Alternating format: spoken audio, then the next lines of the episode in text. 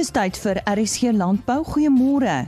Ons gesels vandag met Standard Bank oor beleggings in die landbousektor. Dan praat die Instituut vir Graangewasse oor eh, die effek van plantnutriënte op Fusarium mieliekopvrot en Fumonisin. Janie de Villiers van Graan SA praat oor Nampo en as u belangstel om met truksvye te begin boer, bly ingeskakel. Toenemende belangstelling van beleggers in die landbousektor word hoofsaaklik toegeskryf aan die stygende wêreldbevolking en verandering in die groeiende middelklas se dieetvoorkeure. Nou die Wêreldbank beraam dat die vraag na voedsel teen 2050 met 70% gaan styg en dat minstens 80 miljard dollar se jaarlikse beleggings nodig sal wees om aan hierdie vraag te voldoen. Nou Bertie Hamman van Standard Bank gesels nou met ons hieroor. Hy senior bestuurder sekondêre landbou by Standard Bank. Nou Bertie, 'n landbou se rol in die ekonomie het oor die jare verander. Brei so 'n bietjie uit hieroor? Dis ek dink dit is inderdaad so. Ehm um, ek dink soos wat die, die ekonomie van 'n van van 'n land verander, en sy status verander van 'n ontwikkelende ekonomie na 'n ontwikkelde ekonomie verander die rol van landbou gewis. Die rol van landbou in die ekonomie het eintlik verskeie fasette, maar ek dink ons kan dit kortliks bestof opsom. Ons sien dat in ontwikkelende lande landbou as ware funksioneer as 'n primêre industrie, wat dan dien as 'n katalis vir verdere industriële ontwikkeling. Hierdie funksie word eintlik baie mooi opgesom in die landbou verwante spreekwoord nuwe grond te breek. Ons kan eintlik maar sê dat landbouaktiwiteite beskawing tot stand bring. Maar in Suid-Afrika, waar ons neig in baie aspekte na meer ontwikkelde ekonomie, ehm um, is die rol van landbou heelwat anders. Nou moet landbou sosio-ekonomiese stabiliteit skep deur byvoorbeeld voedselsekerheid te, te bewerkstellig, werk te skep en welvaart te verstans en op sy beurt nasionale ekonomiese groei te ondersteun. Hoekom is beleggings in landbou nodig om hierdie groei te ondersteun? Ek dink as ons kyk na die rol wat landbou in die ekonomie soos die van Suid-Afrika speel, dan is dit duidelik dat verdere kapitaalinvestering deur landbouers gemaak moet word. En hierdie investering moet natuurlik befonds word. 'n Sulke investering kan tipies deur drie bronne gefinansier word. Hierdie drie bronne is tipies houe inkomste, lenings en buite-ekwiteit investering. Die tradisionele landbouers amper al hul winste in landbou teruggevloei. Finansierers het ook lenings aan landbouers beskikbaar gemaak en dit was eintlik maar hierdie twee dimensies in landbou gebring het wat daar ons vandag is. Maar hierdie tweedimensionele modelle is nie noodwendig volhoubaar nie. Ons het reeds dat algehele skuldvlakke in die landbou skerp styg en dat die skuld-ekwiteitsverhouding al meer negatief neig. Dit hou wesenlike risiko's in en kan lei tot ekonomiese faling van individuele produktieenhede. Vertel ons oor die eienskappe en toeganklikheid van private uh ekwiteitsbelegging in Afrika. Wel, ek sou sê dat uit 'n belegger se perspektief en in die breë beskou, dink ek nie dat landbousektor huidig 'n baie toepanklike sektor is nie. Ek dink die markmeganismes wat tipies beleggers en beleggingsgeleenthede aan mekaar koppel, funksioneer nie genoegsaam in die landbou nie. En daar is natuurlik 'n paar uitsonderings. Verder dink ek dat daar 'n groot tekort is aan analiste wat die sektor dek. En ek dink ook dat daar tekort is aan transaksiebemiddelaars wat op die sektor fokus. Ek dink ook dat oor die algemeen landbouers heelwat meer kan doen om onsself meer toeganklik te maak vir beleggers. Soos byvoorbeeld om akkurate inligting meer gereedelik beskikbaar te maak. Dit is regtig moeilik vir 'n persoon anders as 'n binnestander om met 'n redelike mate van vertroue beleggingsbesluite te neem, want genoegsame kennis en inligting ontbreek. Dra hierdie beleggings by tot die groei van die sektor en en bevorder dit 'n uh, uh, inklusiewe ekonomiese groei. Ja, ehm um, ek dink die belegging wat ons wel sien, dra verseker by tot groei van die sektor. En die waarheid is, dink ek dat in die gevalle waar ons wel sulke beleggings gesien het en wat dit kon doen is, die impak uitsonderlik groot is. In Suid-Afrika byvoorbeeld, waar beleggings gemaak het, sitrus, neut en avokado bedrywe en dis dan ook die snel groeiende bedrywe binne in die landbousektor. Wat inklusiewe groei betref, dink ek maar dat ons nog baie vordering kan maak. Dit gaan maar bietjie met rukke en stoot op die oomblik maar ons is daarom wel bewus van transaksies in die pipeline waar ons baie gewende is. Kom ons gesels oor buitelandse beleggings. Wat bepaal buitelandse direkte beleggings in Afrika? Wel, ek, ek dink om die vraag te antwoord, moet ons dalk net eers onderskei tussen direkte belegging en indirekte beleggings. Die direkte beleggings verwys na buitelandse beleggers wat 'n beheerende belang verkry in 'n plaaslike onderneming. Tipes in 'n vroeë stadium van 'n onderneming se bestaan en die doel is dan normaalweg om kapitaaluitbreidings te finansier. En die aard van die belegging is tipies redelik permanent. Met indirekte beleggings aan die ander kant, belê die buitelandse belegger ook in plaaslike ekwiteitsinstrumente, maar die doel is om dit vorentoe te verhandel. Dit sou byvoorbeeld belegging wees in 'n beursgenoteerde onderneming. Nou na my mening, kan ons meer direkte belegging in Afrika sien, bloot omdat die geleenthede om in verhandelbare instrumente te belê uiters beperk is. Dis amper 'n geval van 'n direkte belegging of niks. Nou as dit dan nou die konteks is, dan moet ons besef dat wetgewers, reguleerders en ondernemings nou moet verstaan dat buitelandse beleggers wat hier belê eintlik baie moeilik hulle beleggings kan likwideer sonder om kapitaalverliese te ly. Ons moet dus die belegger verseker dat hulle beleggings veilig is. Brei bietjie uit oor die gaping tussen verpligtinge en werklike investering. Ja, Lise, um, ek dink rekeningkundig kan ons praat van laste en ekwiteit. En hierdie konsepte verwys eintlik maar na die allocasie van risiko en die bron van fondse. Dit verpligtinge of laste verwys na skuld. Die finansiëerders sal primêre siening neem op die onderliggende bate en indien die onderneming dan val, sal die finansiëerder deur middel van 'n likwidasieproses die bates laat verkoop en die uitstaande skuld in te verkoop. Ek moet daarom net doen dat 'n verantwoordelike finansiëerder homself ook sal vergewis dat die lener daarmee 'n redelike vooruitsig het om wel die skuld te kan terugbetaal. Daarteenoor, in die geval van werklike beleggings of ekwiteitsbeleggings, ehm um, sien ons dat die dat daar 'n primêre siening geneem word om die, op die onderneming se vooruitsigte om winste en vrye kontante genereer dit sal die waarde van die belegging dan nou bepaal. Om sy, om dit suksesvol te doen, moet die belegger baie goeie verstand van onderneming en van die sektor hê. Bertie, wat kan gedoen word om werklike investering aan te moedig? So, ek dink daar kan se baie gedoen word, maar as dit opsom, is daar gedeelde verantwoordelikhede. Eerstens sou ek sê owerhede moet deur middel van beleidsstabiliteit 'n beleggingsvriendelike omgewing skep en daarmee saam korrupsie uitreen. Tweedens dink ek dat landbouers dalk werklik moet optree om onsself beleggingsvriendelik te maak. Ons sien baie besigheidsmodelle wat so kompleks is dat net die aanvanklike argitek daarvan eintlik kop sterk kan uitmaak van wat werklik aangaan. Dit is net nie deursigtig genoeg nie. En laastens dink ek dat rolspelers in die sektor die sektor beter moet bemark. Landbouers sien oor die algemene absoluut uitstekende werk, maar helaas rapporteer die media meestal net negatiewe insidente landbou het eintlik 'n wonderlike en inspirerende storie om te vertel.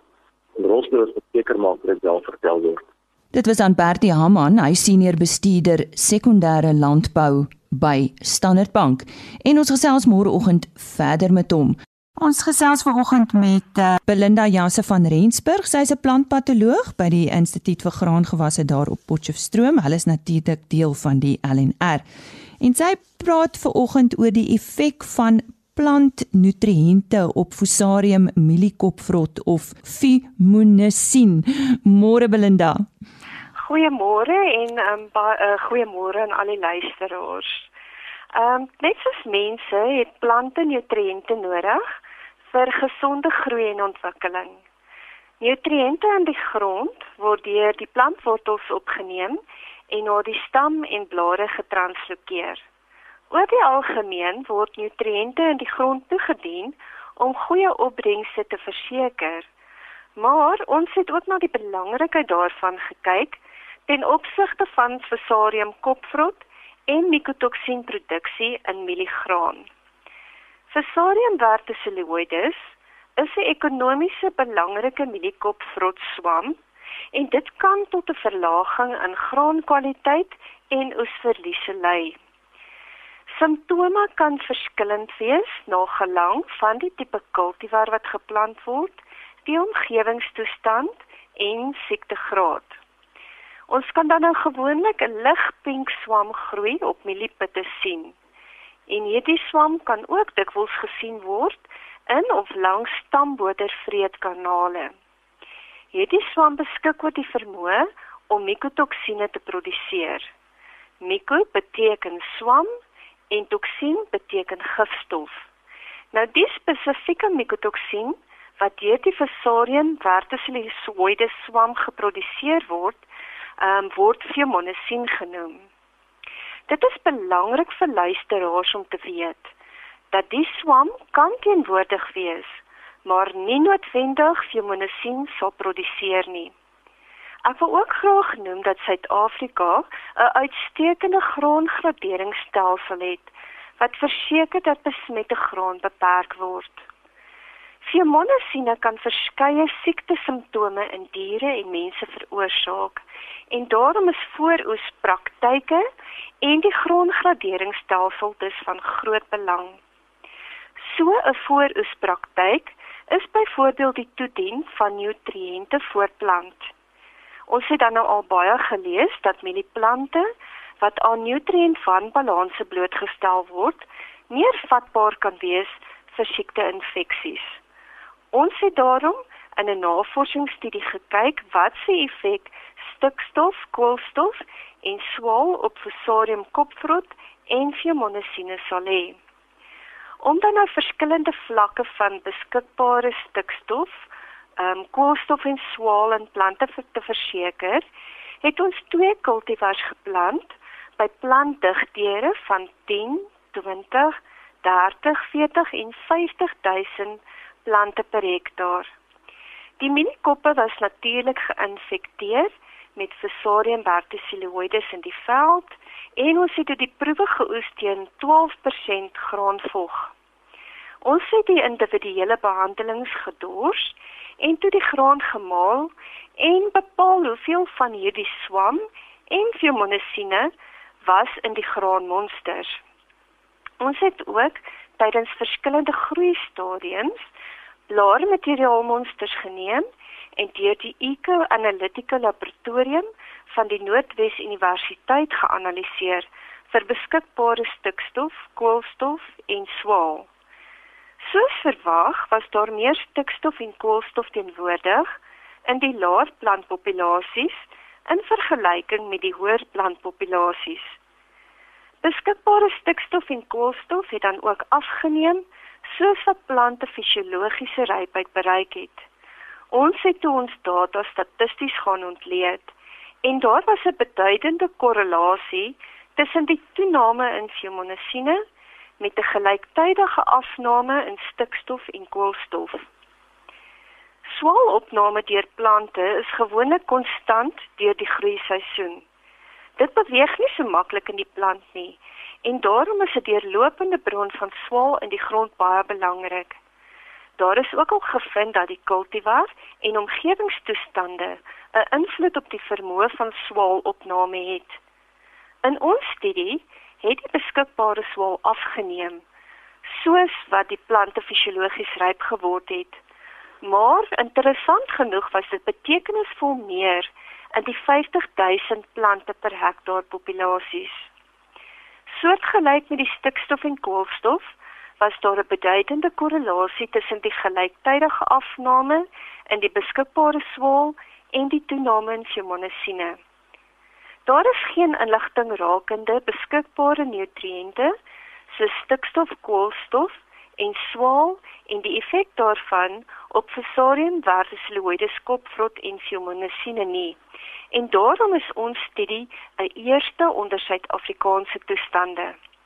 Dit is ook sommer baie interessant om te let dat hierdie nutriënte geen betekenisvolle effek op die beheer van kopvrotswam gehad het nie, maar wel op die fumonisin wat deur hierdie swam geproduseer word. Hierdie is vir ons baie belangrike inligting in die samestelling van 'n beheermaatreelplan aangesien ons nou kan bewys dat nutriënte soos stikstof, koolstof en swaal fumoniesine tydens graanproduksie kan verminder. So bemagtig ons dan nou ook produsente om veilige graan te produseer en dit het weer 'n positiewe impak op mens en diergesondheid. Dit is dan dokter Belinda Jase van Rensburg van die LNR Instituut vir Graangewasse daar op Potchefstroom. Sy is 'n plantpatoloog en sy het vir ons inligting gegee oor die effek van plantnutriënte op Fusarium milikopvrot en Fumonisin. Nampo 2018 was die grootste ooit. Vanjaar het 82817 besoekers by Nampo 'n draai gemaak. Nampo word natuurlik nie daar buite Botawil in die Vrystaat aangebied. So op die laaste aand van die geleentheid het die hoofuitvoerende beampte van Graan Suid-Afrika, Janie de Villiers, vir ons terugvoer gegee. Ek dink as ek sommer net so oor die algemeen moet opsom, sou ek nou sê ek het nogal heelwat meer media mense hier gesien wat besig is om die landbou storie vir ons te vertel en te help vertel. En dis vir my baie positief. Dis nie net ons tradisionele landboumense wat maar altyd hier is en waaroor ons baie dankbaar is nie, maar hier was ook 'n paar nuwe mense bygewees en ek dink dis belangrik en miskien kom dit uit hierdie gronddebat ding uit dat meer mense moet weet waar kom hulle kos vandaan en hoe belangrik is voedselsekuriteit en so aan. En uh mense kan ook sien hè die na die nasie in gesprek het 'n groot bydrae gemaak uh om ons landboudebat rondom grondhervorming vorentoe te vat. Dit gee elke jaar maar weer 'n nuwe stimulus vir ons en en dis nuwe ouens wat kom deelneem en nuwe insigte bring wat miskien sonder al die bagasie saamkom. Ehm um, so dit was vir my ook nogal 'n baie positief gewees. Ons het hom ook uitgevra oor die terugvoer vanaf landboubesighede. Saans as die ouens teruggekom het van die uitstallings af voor hulle nou huis toe ry en hulle die deur die sitkamer gekom en ons kon 'n bietjie gesels en hoor hoe dit gegaan, was dit tog vir my baie bemoedigend om te hoor dat ouens uh, baie beter besigheid gedoen het as wat hulle verwag het. En hier was selfs so een of twee wat gesê dis hulle Nampo beste Nampo nog ooit. Ehm um, uh selfs van ons ou bestaande besighede wat lank al hier uitstal vir jare het het sulke opmerkings gemaak. En hoe het die besoekersprofiel gelyk en wat doen Graan SA om die jeug betrokke te kry? As ek so oor die terrein kyk as 'n mens nou rondloop, ehm um, was dit vir my ook opvallend geweest net dat nou so hier en daar bietjie meer nie landboubesoekers as ek hulle nou so kan noem, wat dit sommer net geniet om die dag hier deur te bring.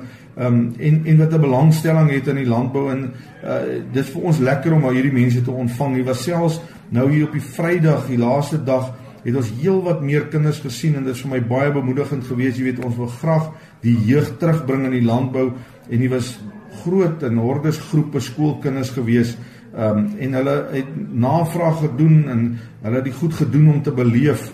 Jy weet, ons het 'n groep skoolkinders hier gehad wat ons uh kom ons sê hierdie sosiale media kundigheid aangeleer het. Hulle het die hele week hier op 'n kursus gewees hoe om videoetjies te maak en dit te edit en op die einde van die dag op op die internet te plaas. uh, baie oulike projek wat ons saam met ons skool Nampo skool hier op uh, op Nampo Park gedoen het nou die afgelope week. Dan was dit ook bemoedig geweest dat ons meer van ons swart uh, opkomende boere hier gehad het. Um mense kon dit sien in die navraag en hier op die terrein soos hulle rondgeloop het.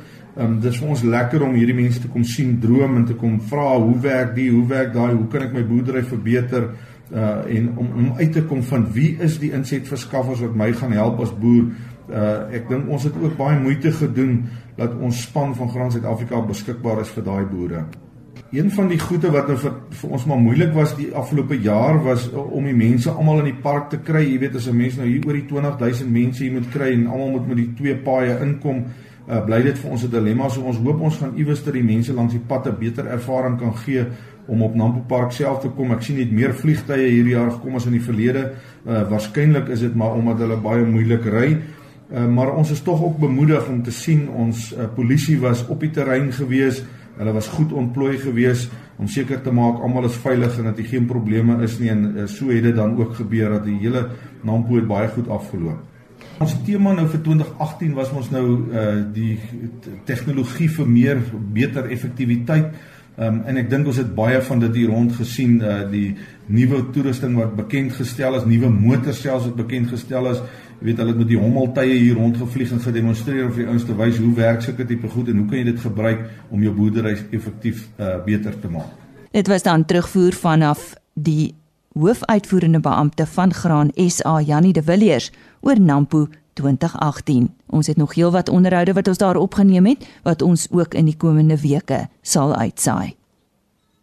Die potensiaal van die truksvy plant is die afgelope dekade deur kenners nagevors en dit is bevestig dat die produksie hiervan antwoorde kan bied aan heelwat van Suid-Afrika se uitdagings. Van hierdie uitdagings sluit ongekende droogtes en tekorte aan veevoer in. Ons gesels ver oggend met 'n truksvy boer Daan Boerein. Hy gee nou vir ons 'n blik op hierdie interessante wêreld. Nou Daan, waarom het jy in die eerste plek Matrixvye begin boer? Ek uh, het iets gesoek om my 8 hektaar uh, te beplant en uh, ook gekyk uh na die insetkoste per hektaar en die onderhoud daarvan nadat ge, dit geplant is uh aangesien ek op droë land uh 'n droë land scenario in gedagte gehad het en die turkvy het my 100% gepas. Uh, waar het jy waar is hierdie aanplantings wat ons van praat? Hierdie aanplantings van my my 8 hektaar het intussen tyd dan so 14 hektaar gegroei is in uh, die onderste poort Pretoria Noord omgewing. Brei vir ons 'n bietjie uit oor die produksieproses van truksvye. Is dit 'n moeilike plant om aan die gang te kry daan? Nee, dit is glad nie moeilik nie.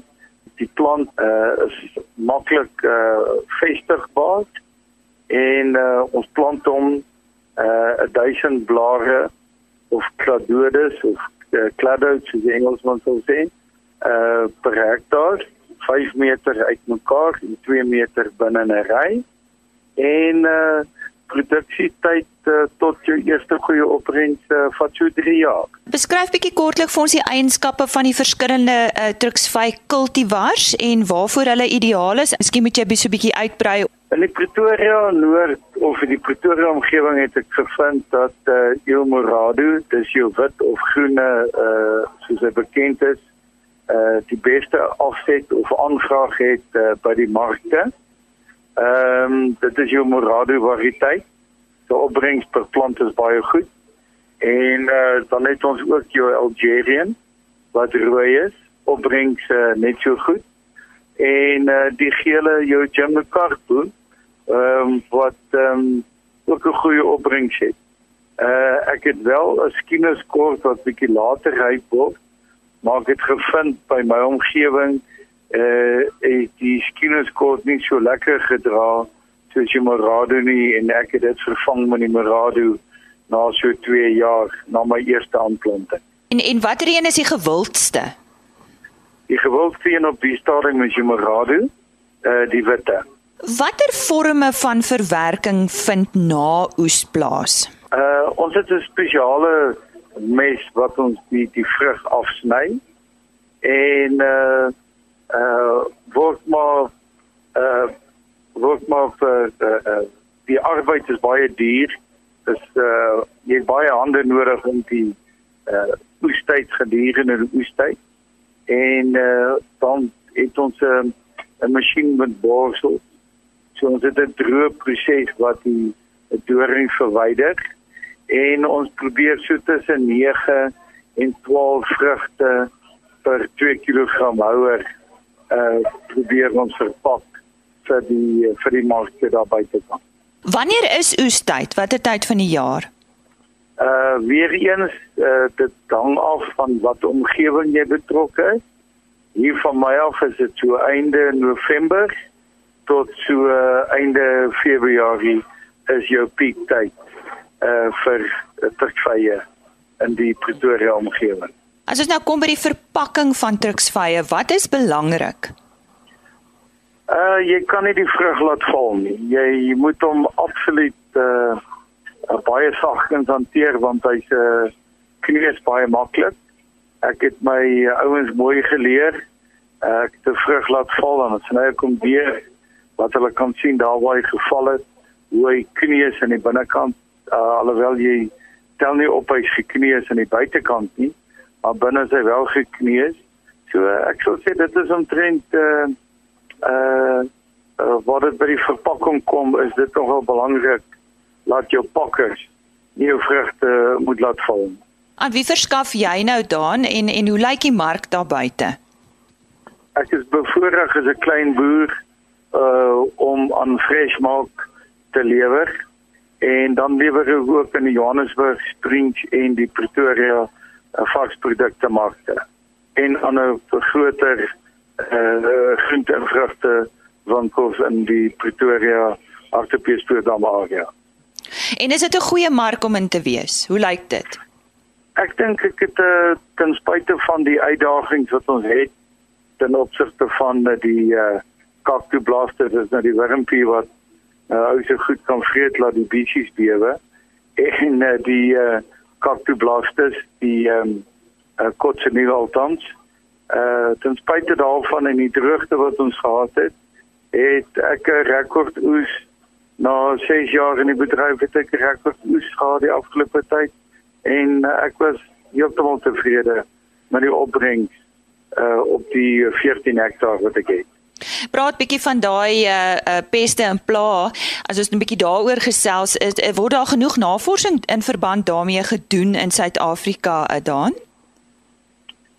Die uh, kotseneel uh is daar goeie uh, uh geweerende middels of middels wat jy kan spuit om die kotseneel uh in bedwang te hou maar ek kan nie sien ek het nog nie van 'n produk teëgekom wat jou cactoblastus die worm kan uh, vernietig of doodmaak as hy reeds in die blaar is nie.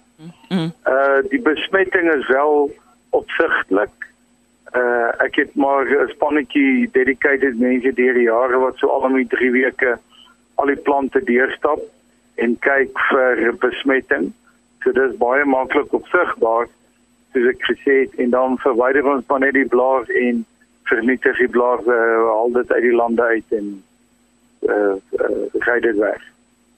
As jy nou so 'n bietjie met ons verbruikers in Suid-Afrika gesels uh, oor die plant, wat sal jy graag vir hulle wil leer of opvoed?